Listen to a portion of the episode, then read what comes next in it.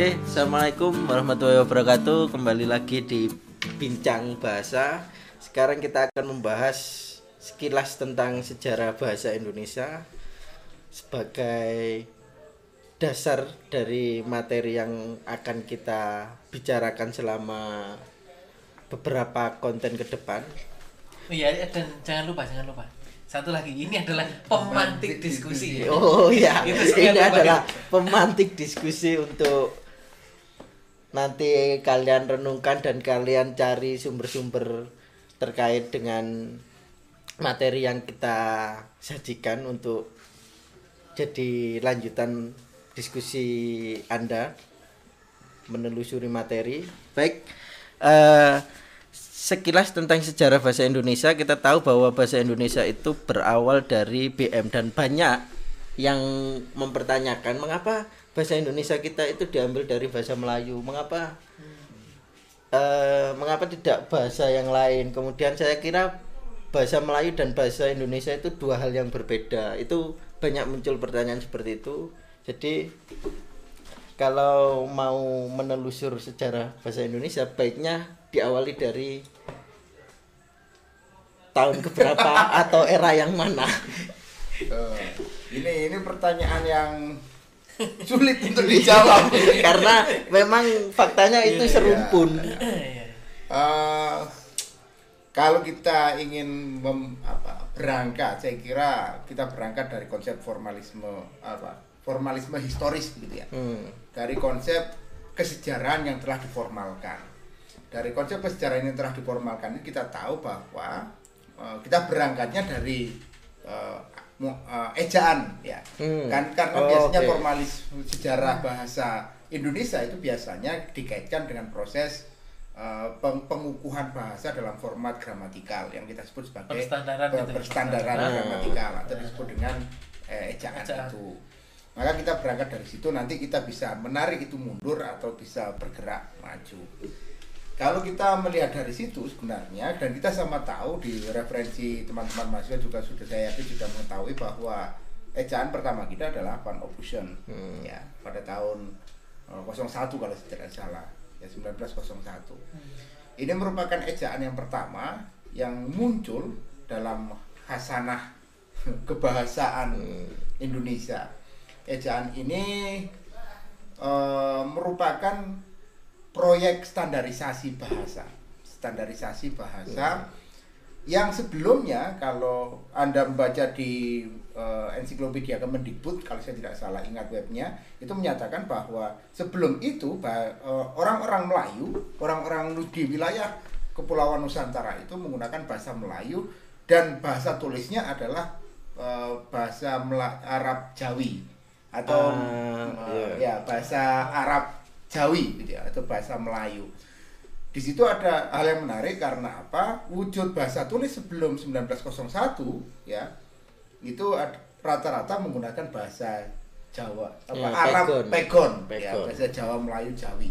Itu monggo silakan dicek di di situ beberapa web mungkin di Google bisa langsung akan muncul itu. Tapi anu apakah itu berbeda dengan eh, Arab Melayu? Ya Atau- iya itu Arab Melayu. Oh berarti Arab Melayu Arab beda Melayu. beda dengan pegon Iya, kalau pegon. pegon itu Ah. disebut dengan Jawi, bahasa Jawi. Jawa, bahasa Melayu Jawi. Tapi karakternya sama.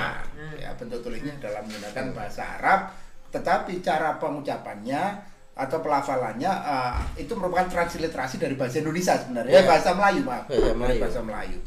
Kemudian eh, ada ada inisiasi dari pemerintah kolonial Belanda untuk memunculkan untuk menstandarkan eh, bah- bahasa Melayu yang digunakan di wilayah mereka di wilayah eh, kolonial Belanda di wilayah kolonialismenya Belanda di apa ya di wilayah jajahannya Belanda yaitu di Nusantara. Maka muncullah ejaan Van Ophusen ya pada tahun 1901 ini menjadi menarik karena eh, jika kita lihat dari sejarah itu maka sebenarnya ejaan Van Ophusen itu mencoba mengubah paradigma dari bahasa Arab Melayu Hmm. ya bahasa Melayu itu ke kemudian diubah secara penulisan menjadi bahasa Latin. Latin. Nah, ini ini tonggak yang pertama. Kemudian tonggak ini kemudian di, diwujudkan juga ketika itu tahun 1900 awal kita sama tahu bahwa pemerintah Belanda di di Belanda sendiri ada per- ada pertentangan antara orang-orang yang menuntut ya balas budi politik etis ya. Salah satu salah satu tokohnya adalah Van de Venter yang memunculkan trilogi Van de, Van de Venter trias Van de Venter yaitu edukasi irigasi dan imigrasi. Lah proses ini ini juga memunculkan satu produk namanya eh, Komite Bacaan Rakyat yang muncul pada tahun 1908 kalau saya tidak salah 07 atau 08 Komite Bacaan Rakyat ini mencoba membatasi bacaan-bacaan yang disebarkan oleh eh, pemerintah kolonial untuk eh, untuk masyarakatnya. Dan ini sebenarnya praktik ini tidak bisa dilepaskan dari praktik praktik eh, balas budi atau pa- praktik politik etis itu. Kenapa saya menyatakan ini menarik? Karena di situ ada ada persilangan di situ nanti, ya. Bahwa bahasa yang digunakan secara formal diformalkan oleh pemerintah kolonial Belanda itu adalah bahasa Indonesia khas Melayu yang lebih cenderung kepada Melayu tinggi. Kenapa saya bisa seperti itu? Maka saya tadi secara sepintas eh, berbicara tentang Komite Bacaan Rakyat yang kemudian pada tahun 1900 eh, sebelum 920 ya itu di- berubah menjadi Balai Pustaka. Balai. Ya. Ini akan kita lihat di situ bahwa ada standarisasi bahasa itu dilihat dari etniknya yaitu Melayu begitu karena Balai Pustaka secara tersurat itu menyatakan bahwa salah satu teks bisa diterbitkan oleh Balai Pustaka kalau menggunakan bahasa Melayu tinggi, Tinggi. sedangkan bahasa Melayu rendah tidak. Maka di situ ada pemilahan yang satu ada satu wilayah ya itu menggunakan bahasa Melayu tinggi dan ada satu wilayah satu wilayah politik menggunakan bahasa Melayu tinggi dan satu wilayah politik menggunakan bahasa Melayu rendah. ini bisa kita lihat jejaknya sampai hari ini sebenarnya bisa kita lihat. Eh, bagi orang-orang yang mengikuti balai pustaka, maka mereka cenderung menggunakan bahasa Melayu tinggi yang lebih dekat kepada etnik Melayu Minang, Minang. etnik Melayu Sumatera, ya. Sedangkan bahasa-bahasa Melayu rendah ini eh, lebih dekat pada bahasa Melayu pasar. Kalau sebagai contoh kita ambil dua dua hal gitu ya, yang mungkin diterbitkan eh, tidak jauh berbeda durasi waktunya yaitu antara novel-novel eh, Siti Nurbaya contohnya yang paling ikonik dari Balai Pustaka dengan novelnya Marco atau Semaun ya. No- novelnya Mas Marco Student Hijau itu diterbitkan ya dalam durasi waktu yang hampir mirip eh, kisaran waktunya atau novel Semaun Hikayat Kadirun. Ini menjadi menarik karena apa? Yang satu diterbitkan oleh Balai Pustaka dari segi bahasa saja berbeda begitu Hmm. yang yang Semaun dan Marco ya ini Iya. mungkin bagi beberapa orang yang membaca sejarah eh, akan selalu me- me- memberi label mereka itu komunis karena memang ketika itu ya Semaun kita tahu sebagai salah satu eh, tokoh komun, eh, Partai Komunis Indonesia. Tapi sebelum dia menjadi tokoh Partai Komunis, dia itu penulis yang handal sebenarnya. Salah satu magnum opusnya itu adalah novel judulnya Hikayat Kadirun. Ini novel yang sangat menarik menurut saya. Marco juga sama. Ya. Marco juga eh, menulis sebuah novel tentang kondisi eh, sosiokultural zaman kolonial dalam novelnya Student Hijau. Ini dua orang ini menulis dengan gaya bahasa Melayu rendah sebenarnya atau Melayu pasar. Hmm. Sedangkan orang-orang yang berafiliasi ke Balai Pustaka ini menggunakan bahasa Melayu tinggi. Nah, ini ini eh, gesekan ini terus muncul sampai kita sama tahu eh, muncul Balai Pustaka dalam kesejahteraan kesusastraan kita muncul eh, periode Balai Pustaka, mu- muncul periode Bujangga Baru. Dan ketika gesekan ini muncul, ya kita tahu bahwa tahun 2 1928 itu muncul konsep penyatuan identitas Hmm. ya. Yang sebelum itu identitas itu parsial, nasionalisme masih Hmm. nasionalisme etnik begitu. Iya. Ya, kemudian pada tahun 1928 muncullah identitas baru yaitu berbahasa, berbangsa, bertanah air Bertanah satu air yaitu satu. Indonesia.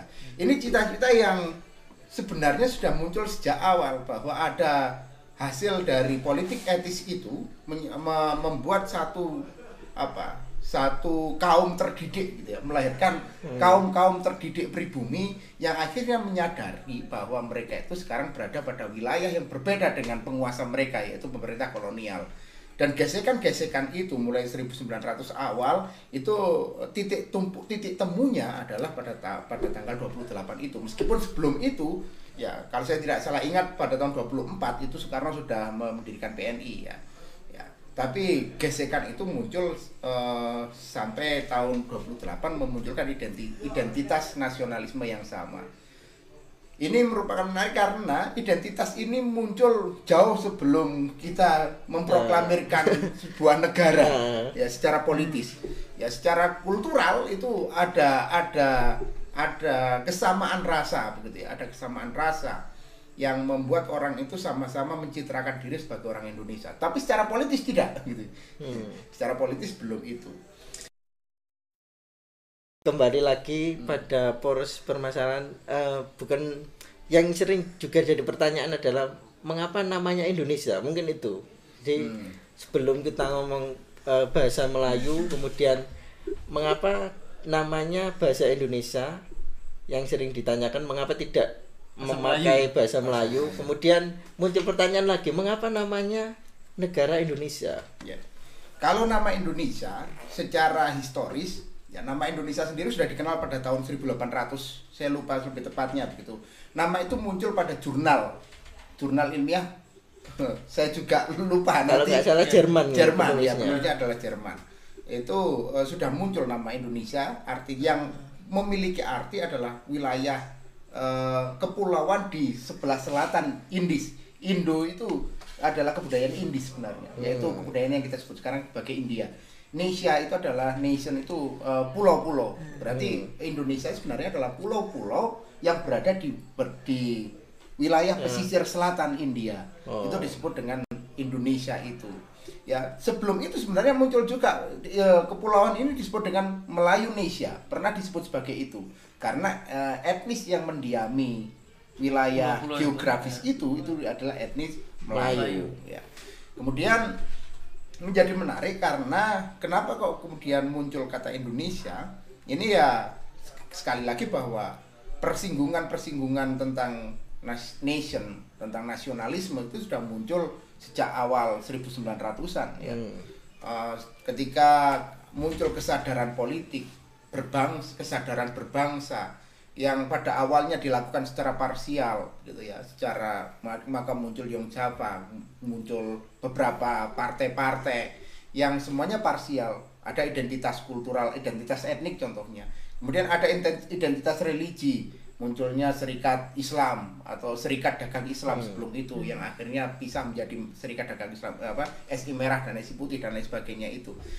Tetapi kesadaran bahwa eh, perlawanan parsial ini tidak lagi mencukupi, tidak bisa me- tidak bisa me- menemukan satu gebrakan daya dobrak yang yang cukup. cukup gitu ya daya dobrak yang mumpuni begitu untuk melahirkan sebuah konsep politik yang baru maka ini kesadaran parsial ini akhirnya membentuk sebuah kes- karena kesamaan nasib kesamaan rasa Hmm. ya maka membentuk sebuah identitas sama lah Soekarno menyebut itu sebagai identitas Indonesia ya Oh. atau eh, pemuda-pemuda pada tahun itu pada tahun eh, tokoh-tokoh priayi tokoh-tokoh eh, hasil politik etis itu me- mem- membuat eh, satu apa, menyepakati satu identitas baru yang melingkupi semua etnik pada wilayah pulau-pulau di selatan India Hmm. itu dengan istilah Indonesia. Indonesia.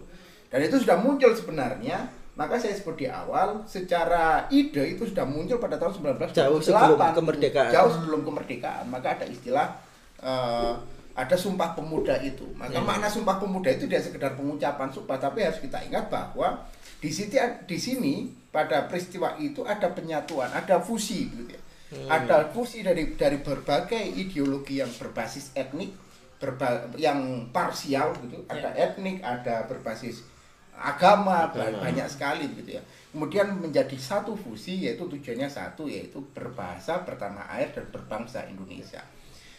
Kalau kita lihat dari sejarah bahasa, kita tahu bahwa sebenarnya eh, Soekarno berpendapat kalau melihat ke kemapanan kepapanan berbahasa, jumlah eh, pe- Penutur ya. penutur bahasa dan kualitas sastranya, maka hanya ada dua, hanya ada dua bahasa yang layak dijadikan sebagai bahasa yang menyatukan Hmm. wilayah di Yang- selatan India itu yang yang potensial potensial untuk itu yaitu yang pertama bahasa Melayu, yang kedua bahasa Indonesia. Ya. di sini Bahasa- eh maaf bahasa Jawa. Bahasa Yang Jawa. kedua adalah bahasa Jawa.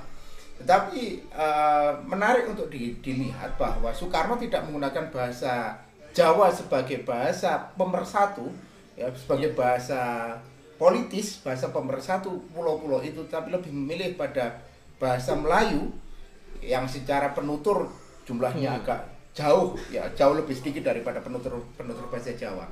Ini ada muatan politis bahwa Soekarno tidak ingin menjadikan etnik eh, satu etnis mayoritas dengan menggunakan bahasa mayoritas. Iya. Gitu. Iya. Ya, ada politik bahasa di situ. Soekarno lebih menginginkan munculnya eh, menggunakan bahasa Melayu sebagai bahasa nasional karena Melayu bukan etnik mayoritas. Ya. Kemudian ada latar belakang historis. Eh, ada pendapat yang menyatakan bahwa kenapa memilih Melayu lebih dekat dengan Melayu Riau gitu. Karena eh, Kesultanan Riau adalah salah satu kesultanan yang sampai akhir eh, tegas menolak Belanda gitu Hmm. ya, te- tegas dengan kemendiriannya, dengan kemerdekaannya, maka itu dijadikan sebagai ikon. Ya, kita sama tahu bahwa eh, Soekarno untuk me- menumbuhkan nasionalisme itu, nasionalisme itu memunculkan beberapa ikon-ikon, beberapa jargon-jargon. Hmm. Contoh dijajah Belanda sekitar 350 tahun contohnya, padahal ada buku baru menyatakan bahwa sebenarnya tidak tidak selama itu karena Ya. tidak ada satupun wilayah Indonesia yang pernah dijajah selama 350 tahun gitu. Ini kan sebenarnya idiom, slogan, jargon yang dimunculkan untuk membantu uh, nation itu, Ya, membentuk oke. uh, satu Menjadi kesamaan rasa, dorongan. menjadi dorongan itu. keyakinan Ya. bersama Keyakinan bersama maka muncullah bahasa yang disebut sebagai bahasa Indonesia itu.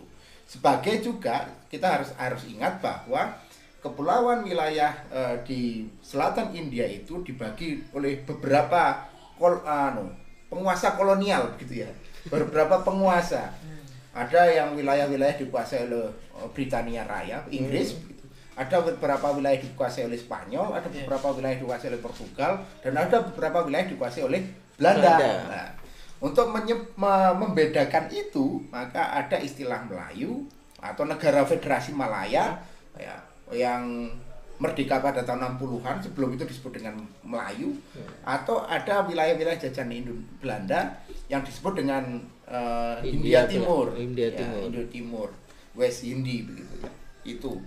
Lah, bahasa Indonesia yang bahasa Melayu eh, yang di dimunculkan standarisasinya oleh Van Opus itu adalah bahasa Melayu yang membedakan bahasa Melayu ala pemerintah kolonial Yang- yang digunakan di wilayah kolonial pemerintahan Belanda. Belanda. Yang berbeda, maka penyebutannya nanti akan berbeda dengan bahasa Melayu yang berada di wilayah pemerintahan kolonial Inggris. Inggris. Ya. Oke, itu untuk eh, dasar pembedaan mengapa disebut bahasa Indonesia dan mengapa Iya. bahasa Melayu dan mengapa bahasa Indonesia kita berbeda dengan bahasa- bahasa Melayu Mes- meskipun dikatakan akarnya sama. M-